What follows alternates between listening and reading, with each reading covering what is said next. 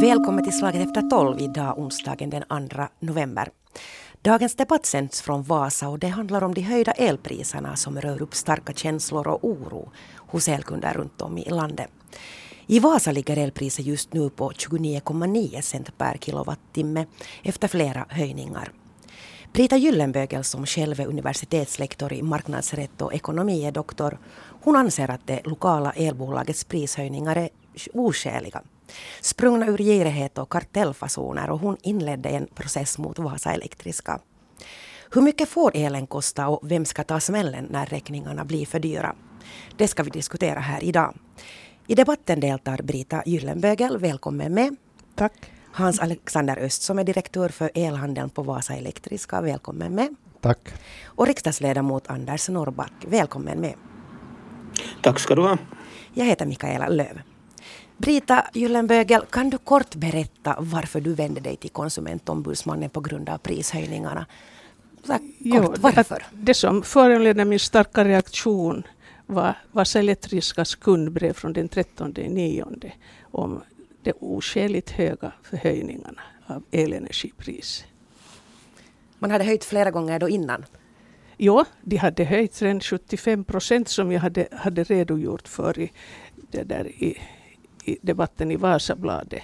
Och från första i, i första 22. Och, det där, och jag, jag satt och räknade ut att, att nu hjälp oss kunder för nu betyder det att under ett år så skulle det betyda 383 procent. Och det är minsann oskäligt. Hans Alexander Öst, hur kommenterar du det här? Anser du att 29,9 cent per kilowattimme, är det ett skäligt pris eller är det ett oskäligt pris? Det kan vi ju konstatera att 29,90 är ett väldigt högt pris då man ser vad medeltalet har varit på i många, många år. Och, och det här kan också tillägga att då vi såg vartåt priserna är på väg på elmarknaden så, så var jag själv också mycket orolig och till och med förfärad över vilka priser vi börjar se. Och kanske den här första indikationen som kom då det här våra konkurrenter kom ut med priser på 45 cent per kilowattimme och över 50 cent per kilowattimme. Så det var den här första oron och, och det här och, och oron främst för våra kunder då det också påverkar oss och, och vår prissättning efter vår, eftersom också vår prissättning är starkt bundet till, till marknadspriserna och hur, hur vi kan skydda våra pris för de här fasta avtalen. Så absolut, det här, vi har varit väldigt oroliga över, över situationen. Anders Norrback som rikspolitiker, hur ser du på den här situationen? Det är knappast obekant för dig. Nej, inte, inte, tack, nej, inte på något sätt. Och det är ju en, en situation som vi trots allt inte får glömma varför vi har hamnat i en akut turbulens på energimarknaden. Det, det, den grundorsaken är att Ryssland har ett anfallskrig pågående mot, mot Ukraina där man inte bara uh, säger sig numera uh, vilja uh, erövra Ukraina utan man vill också skaffa en ny världsordning. Och genom att använda energivapnet så, så försöker man skapa osämja och oro inom, inom de västliga demokratierna inom EU. Och det här får vi inte glömma bort när vi diskuterar de här frågorna, inte en sekund. Så man vill så split alltså i, i... No, det är min bedömning och jag är ju inte ensam om den bedömningen utan det är ju många som gör den bedömningen.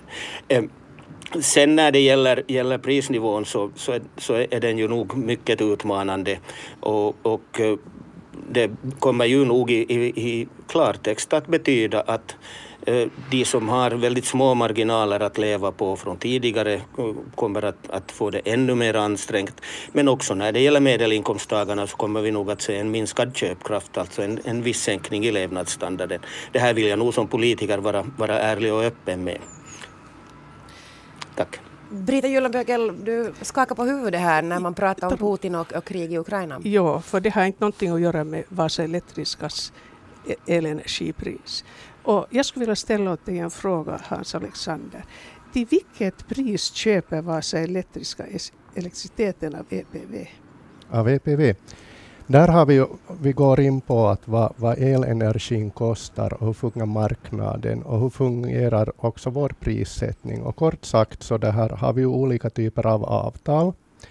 Uh, börsavtal så följer det här elbörspriset och finska priset och, och där bär kunden hela risken. Den bestäms ju timme för timme och idag klockan 14 så bestäms morgondagens pris.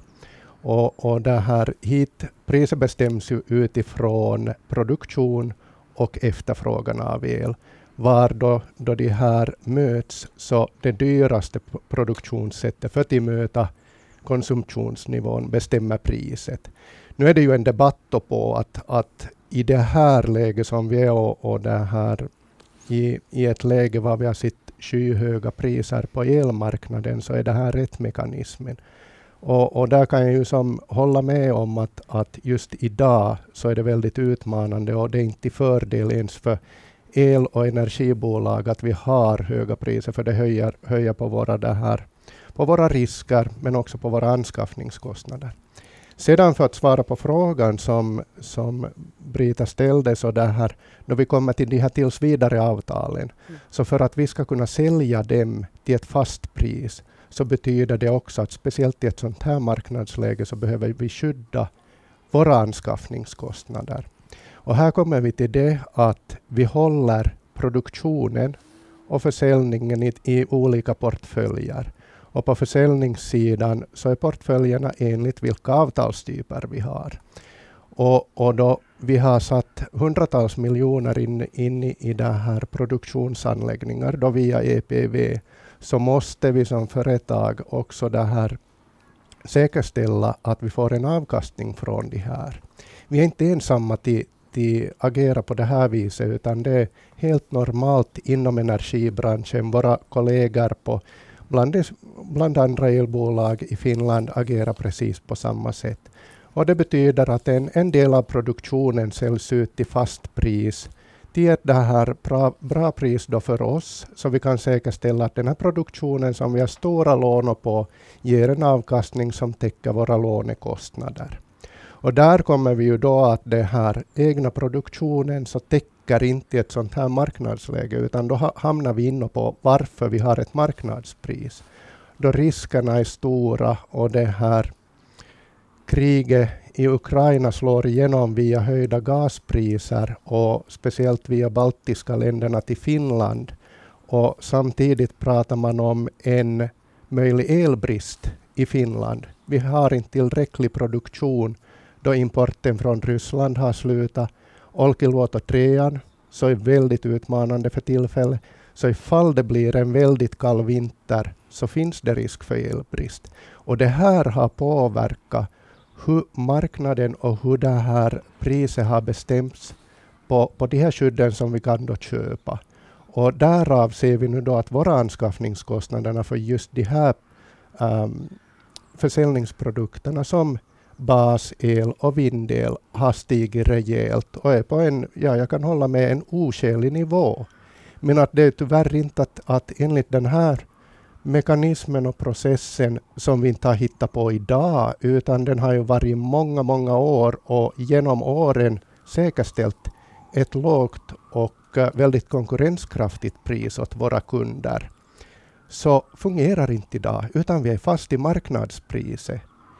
Därav jag vet att, att det här är inte, inte någon tröst åt våra kunder eftersom det är en väldigt svår situation. Men om man jämför med många av våra konkurrenter så är vi på en betydligt lägre nivå.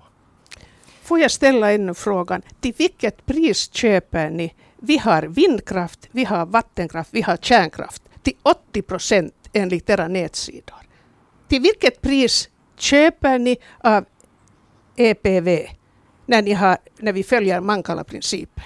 Tyvärr så är det ju marknadsinformation som jag inte ens får öppna upp i en direkt radiosändning det här, det här är en fri marknad och, och det här, jag skulle bryta direkt mot lagen om jag öppnar upp och berättar vad våra interna uh, anskaffningskostnader för egenproducerad el är.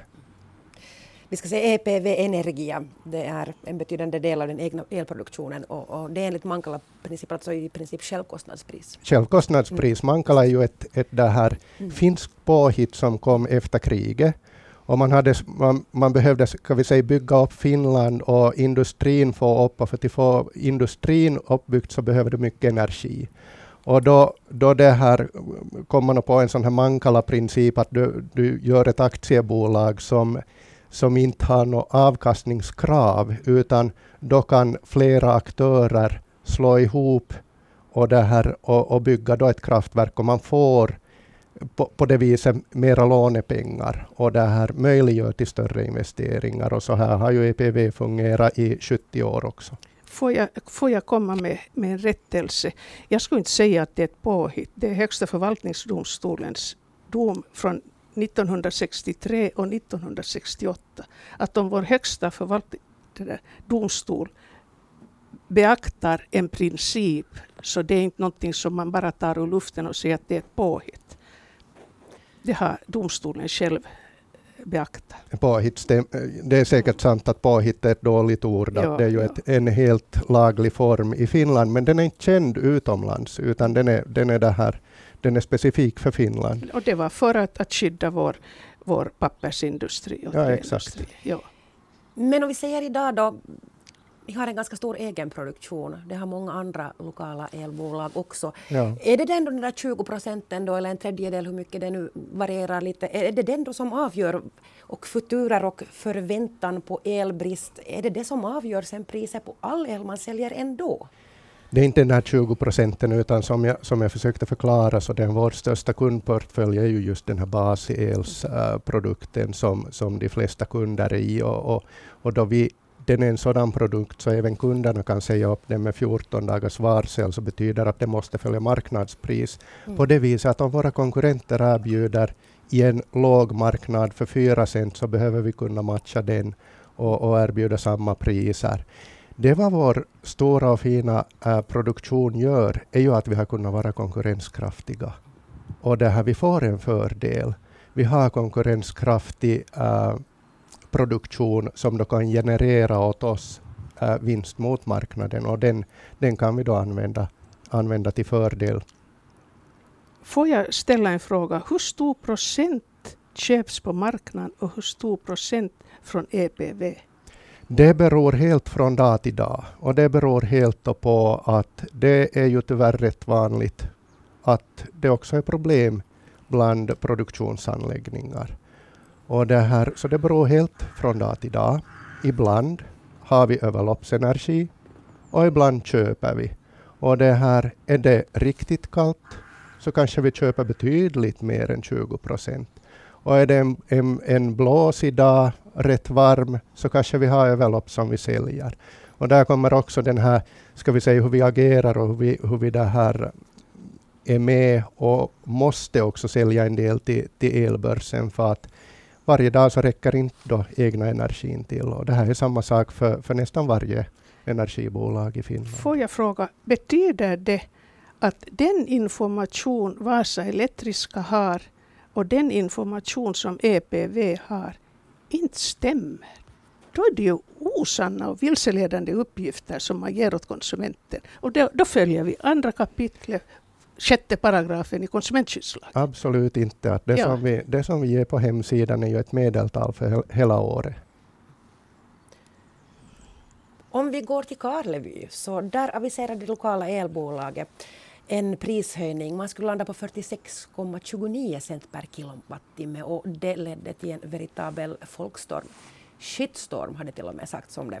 Och då la Karleby stad in sitt veto, för man är också ägare där i elbolaget. De kom in med en stark ägarstyrning och Karleby Energi införde ett pristak på max 16 cent per kilowattimme, då med en mervärdesskatt på 24 procent. Men ja, ifall då priset på el blir högre än så, så står Karleby Energi för skillnaden. Jag måste fråga nu Anders Norrback, kommunalt ägda elbolag, ägarstyrning. Hur, hur, fungerar det här? Kan man komma in som från stadens sida och visa med hela handen? Hur fungerar det? Eh, alltså rent, rent, teoretiskt, rent teoretiskt fungerar det ju alldeles klart att ägarna, ägarna är ju de som bestämmer inom lagens ramar hur, hur bolaget ska skötas och hur det ska fungera. Jag tycker den här situationen som har uppstått så, så har ju visat att, att de här eh, allmänt ägda bolagen har, har hanterat frågan lite olika och, och hamnat i lite olika turbulens utgående från det. Det är ju en, en eh, det här är ju delvis en ideologisk fråga, det vill säga hur mycket, hur mycket ska, ska vi ha marknadsanpassat och hur mycket ska vi ha, ha i det allmänna. Och det är säkert en, en diskussion som är, är värd att föra när det gäller sådana kritisk infrastruktur som, som el, elförsörjning och så vidare. Vi har, vi har ju under en tid gått mot en mera mera marknadsinriktad. Det gäller, inte bara, det gäller ju inte bara själva elförsäljningen utan också elöverföringen och erfarenheterna har ju inte i alla delar varit så goda. Eh, men eh, vi ska ändå komma ihåg, som, som det framkom här också, vi har haft ett relativt väl fungerande system i normalförhållande som har gett en, en eh, billig elenergi i Finland jämfört med många andra länder.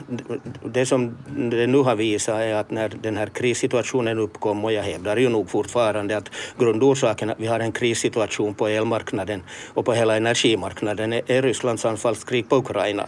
Sen hur de olika bolagen hanterar det så det är förstås en skild fråga, men själva grundkrisen kommer ju från anfallskriget. Det, det, det är för mig helt uppenbart. Så det är en exceptionell att, situation som vi befinner oss i? Det är en exceptionell situation som ju nog mekanismen nu har visat att den kanske inte till alla delar, alla delar fungerar i en sån här situation.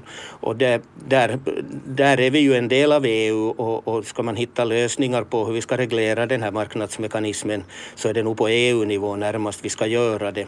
Därför att vi kan inte heller eh, gå ut från den marknaden och, och, och, stänga in oss helt och hållet. Eh, där, där tror jag nog att vi på sikt förlorar. Men man har ju diskuterat många olika åtgärder, eh, åtgärder inom EU och försöker, försöker förändra systemet.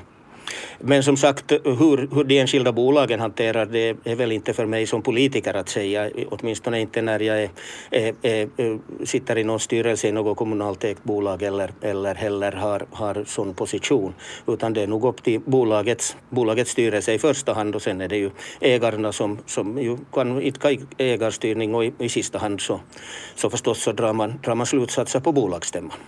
Vi ska tillägga det att äh, Anders Norrback, du sitter inte i styrelsen för Vasa Elektriska. Det gör däremot Joakim Strand från SFP och Kim Berg från SDP. De har avböjt eller inte har möjlighet att medverka idag, men vill, vill ändå gärna ha det politiska perspektivet.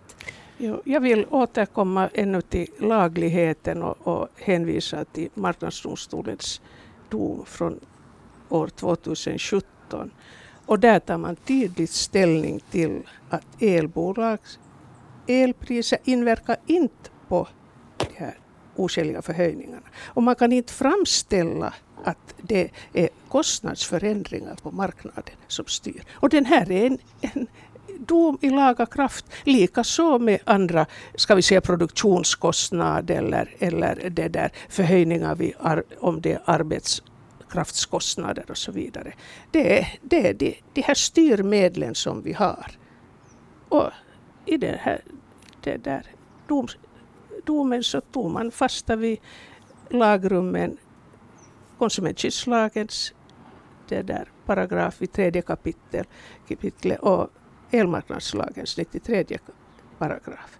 Och det är det här som vi ska ha som rättesnöre. Och det är det här som jag anser att såväl det där riksdagsmännen som hör till Vasa Elektriska styrelse och ledningen vid Vasa Elektriska styrelse ska ha bakom öronen att vi har en lagstiftning som vi ska följa. Och man har tydligt sagt att 80 procent av Vasa Elektriskas produktion kommer från den här egna produktionen via EPV och det är bara 20 procent som man köper. Och den här 20 procenten Ja, sen nu 20, jag skulle kunna gå ner till 12, 12 13, 15 procent köps på marknaden. Man kan inte säga att nu har vi ingen, ingen andel i, i vindkrafts det där bolag, vi har inte vattenkraften, vi har inte kärnkraften. Är det inte ganska stabilt? Det har inte höjts, mig veterligen. Det blåser så det bara viner i knutarna och det regnar så jag vet inte hur jag ska få mitt tak, tak förnyat. Och kärnkraften löper på. Så på vilket sätt kan man motivera att den här 20 procenten det där förorsakar en, en förhöjning på 383 procent. Jag kan procenträkning, men jag, jag, kan inte förstå hur man matematiskt kommer ihop till det. Hans Alexander Öst. Mm.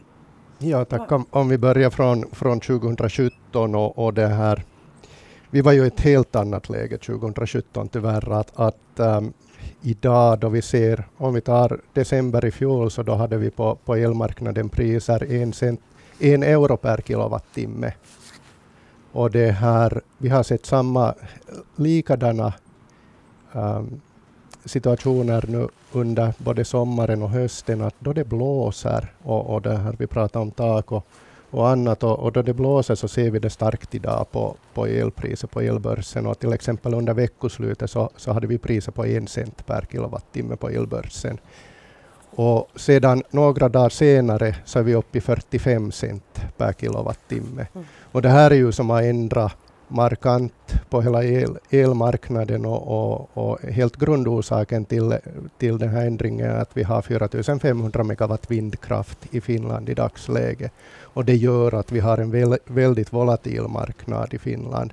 Samtidigt som det här, då det inte blåser, så slår det höga gaspriset som de har uh, nu då i, i Europa, det slår via baltiska länderna igenom till Finland. Och, och, och det får vi då lida för, att det är ju absolut ingen, ingen trevlig situation som vi har i heller för elbolagen då, då priserna är höga. Um, sedan så, så glömmer vi ju det som jag, som jag försökte förklara, att det här, vår produktion är inte samma som vår anskaffningskostnad. Och, och i det här domslutet som, som Brita väldigt bra lyfter det upp, så det här har inte bolaget kunnat påvisa hur, hur deras anskaffningskostnader har ökat. Det är ett faktum att våra anskaffningskostnader har ökat. Och det, här, det är väldigt viktigt för oss som en aktör att vi följer lagen. Och, och då vi gör sådana här stora och väldigt svåra beslut som ingen av oss i Vasa Elektriska vill göra. Men vi har ändå ett ansvar som vi måste göra och där hamnar man ju tyvärr och tar bort den här personlig, personliga delen och, och se då från bolagets bästa. Och då, då har vi kommit till ett sånt här svårt beslut och, och såklart har vi kollat också med det här våra, våra det här rådgivare inom juridiken att allting går rätt till. Får jag fråga namnet och titeln på den lagkunniga ni har frågat? Och varför publicerar ni inte utlåtande? Vi har externa rådgivare och många Nej, gånger berätta, använder Berätta, vi. så jag vet. Det kan det, vi ta om, utanför. Det, det, är ingenting som vi kan gå ut i det här klart, det är allt i, i, öppet. i radion idag, tyvärr. Ja, allt är öppet. Mm. Mm. Det, där. Och det som jag fortfarande inte fått svar på är hur kan den här 20 procenten, vi har andel i vindkraft, vi har andel i vattenkraft, vi har kärnkraft och här har ni kvinnokraften. Hur kan det, hur kan det påverka priset så här mycket? Den här 20 procenten kan inte påverka 383 procents förhöjning. Jag tycker från vår del har vi svarat många gånger på den frågan. Nej, nej den är inte klar för mig ännu. Mm. Kanske vi inte kommer längre ja. med det just här nu. Men, ja, jag kan, om, jag, om, jag får, om jag får kommentera här. Det här pekar just på, på det, som, det som lätt blir när vi har allmänt ägda aktiebolag. Därför att när det gäller demokratisk beslutsfattning i, inom, inom offentliga sektorn så har vi ju en, en öppenhet. Det, det vill säga allt, allt, allt, allt är, är, är i princip tillgängligt som inte berör rikets säkerhet. Men när vi kommer in i ett aktiebolag så, så har vi en annan situation. Och, och aktiebolaget har, har rätt, en, en mycket större rätt att, att skydda olika uppgifter uppgifter som man kan klassa som affärshemligheter och, och så vidare. Och det här är, det här är ju någonting som som jag tycker nog är värt att, värt att diskutera i, i, i hur vi ska ha, ha det på den här sidan. Men men det, det, det, det, det krockar i det här läget. Det har fungerat bra som jag sa när vi har haft normalläge. Nu har vi en kris och, och i ett krisläge så, så prövas, prövas ramarna för hur vi verkar och, och, och, det är alldeles klart att, att det här inte har fungerat, fungerat på allra bästa sätt. Ja, bolagiseringar, inte minst journalister har också retat upp sig över den och, och, och bristen många gånger på, på insyn. Det är, inte, det är inte likadant Hans Alexander Röst.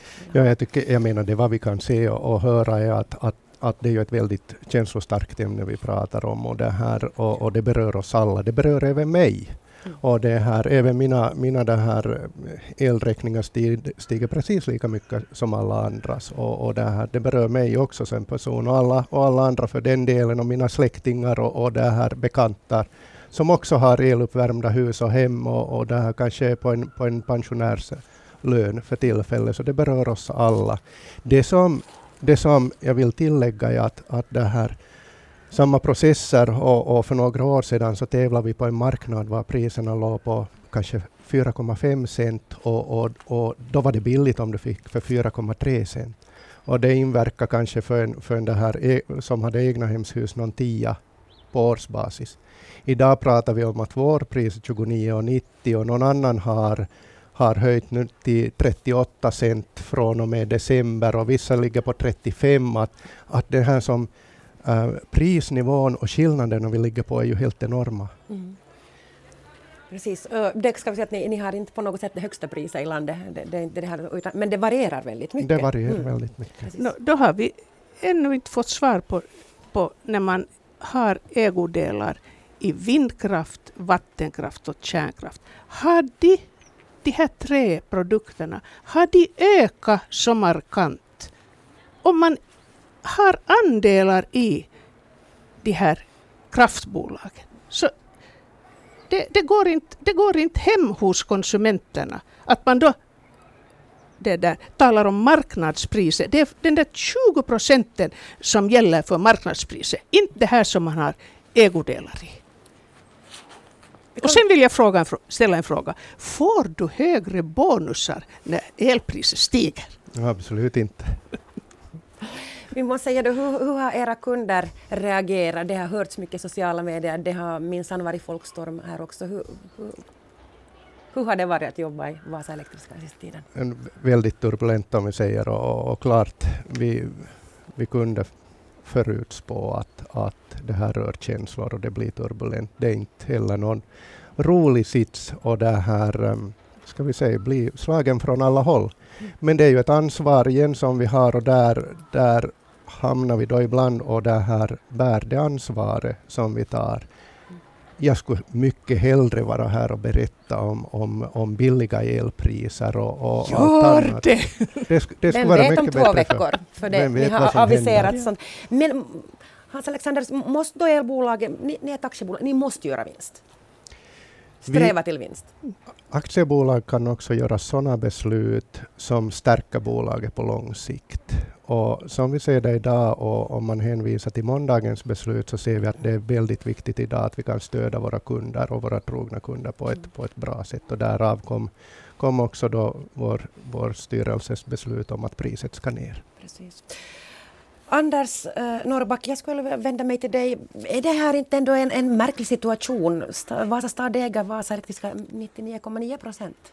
Visst är det så, Hans Alexander? No, det och, och stadens bolag, ursäkta, Ja, no, det, är en, det är en ägarstyrningsfråga och det är klart att, att ägaren, ägaren har ju, viss, inte i viss mån ägaren kan, kan ju säga hur, hur, hur man ser på avkastningssidan och, och, och, och, det kommer ju förstås fram i, i, i redovisningarna sen när, när, när bolaget redovisar, redovisar för året. Mm. Eh, om vi nu bortser från så det är alldeles klart i en turbulent tid, och nu vill jag inte peka ut Vasa Elektriska, men, men i en turbulent tid som vi har så ser vi att det alltid finns vinnare och, och, och förlorare. Och, och, det finns de som, som ser att de kan göra, göra vinster. Det har vi ju till exempel sett inom, inom livsmedelssektorn också där, där handeln gör över stora vinster och, och gödselproducerande bolag gör över stora vinster.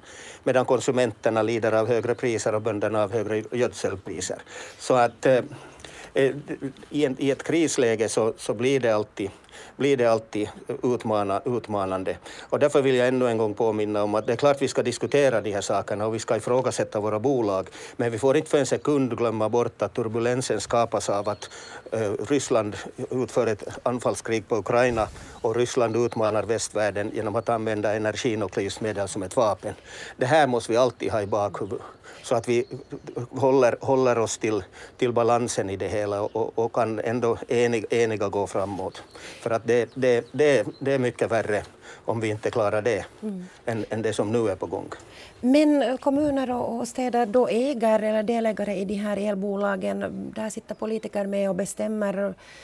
Kan ägarstyra då det är höga priser? Invånarna på orten kämpar med sina räkningar. Vem är det som ska hjälpa konsumenterna? Är det statens uppgift, Anders Norrback? No, eh, eh, jag, är ju, jag är ju i grunden för, för marknadsekonomi och, och, tror att marknadsekonomin, den, den, modell vi har, ändå är den som har lyckats bäst med att få, få våra samhällen uppbyggda, att så, att så många som möjligt har det så bra som möjligt. Mm. Men marknaden är ju en bra dräng, men den, den är en, en, dålig, dålig husbonde kan man säga. Och det betyder ju att, att i, i vissa situationer så måste nog staten gå in och, och titta över, och inte bara staten i det här sammanhanget, utan också EU. Sen när det gäller gäller eh, eh, de kommunala, de kommunala bolagen och, och hur man utser styrelse där så det är klart att det är ägaren som, som ju säger hur, hur styrelsen ska se ut. Eh, det är ju upp till var och en, en politiker sen att ta ställning. Ser man att det kan bli motsättningar eh, motsatsförhållanden så, så kanske det är bättre att hålla sig undan. Och, men ser man att, att man, man gynnar så att säga båda parterna genom att vara aktiv så, så går man väl med. Och, och, det är nu sånt som vi nog politiker ställs inför i många sammanhang. Att, att hur många stolar ska vi sitta på och var. Eh, det goda med demokratin är ju att väljarna vart fjärde år sen avgör om, om vi gjorde rätt val eller inte. Snart har man chansen igen. Det, det som jag vill det där, fortsätta med, med Anders det där resonemang är att, att nu har man tänkt att man det där ger rabatt från 24 procent i momsen till 10. Mm. Och det där, är det så att Vasa Elektriska kommer att till fullo överföra den på konsumenterna? Absolut. Ja. Har, det är ju ingen fördel ja, det... att oss att inte vi ska överföra den till fullo till konsumenterna. No, det där.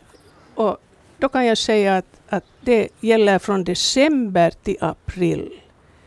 Och egentligen är det en ganska mörkröd zon för det har aldrig hittills fungerat att när man har gjort momssänkningar. Och man kan ju, om man vill fördjupa sig mera i ämnet så kan man läsa Alfred Strängs doktorsavhandling om, om mervärdesskatten där han tar på, på sidorna 265 till 266 fram de här frågorna. Att det har aldrig ännu hänt.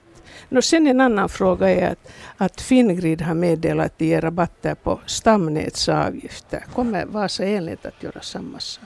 Tyvärr får jag ju inte i min position uttala mig om, om Vasa elnät, då Vasa elnät är helt oberoende av en försäljningsorganisation som jag då representerar. Mm. Att det, den frågan behöver vi ställa till, till Vasa elnät.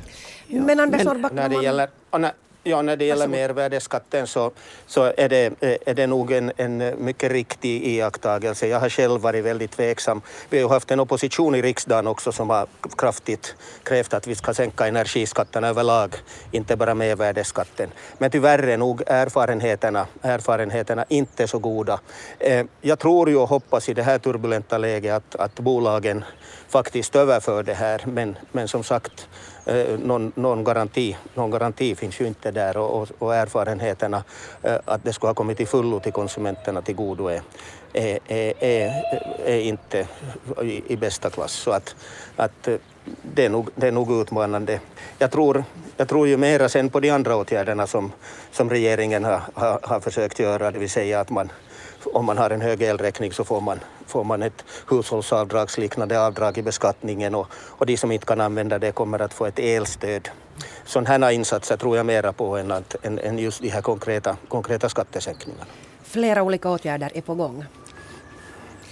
Ja. Mm. Hans Alexander Öst här, vår tid rinner ifrån oss men, men det här intressant debatt man skulle kunna fortsätta hur länge som helst. Men Hans Alexander Öst, om några veckor här då tror du att du kan komma hit och berätta då att ni sänker era elpriser? Det var ju ett principbeslut som vi fick i måndags och, och, och, och, det är det vi jobbar på, att det här kommer ut med ett lägre pris än inom det här mitten av november månad. Brita Gyllenbögel, om Vasa Elektrisk ska nu sänka sina priser här inom de här närmaste veckorna, vad gör du då? Lägger du ner processen eller fortsätter du? Nej, konsumentombudsmannen håller nog på tills det är tillbaka till augusti månads pris. Jag får tacka så mycket Brita Gyllenbögel, ekonomie doktor och universitetslektor i marknadsrätt, Hans Alexander Öst och, och Anders Norrback, riks, riksdagsman för SFP. Tack så mycket för att ni deltog i dagens debatt. Tack. Och tack Tusen till alla tack för att vi fick vara med. Tack till alla er som lyssnade. Tack, tack.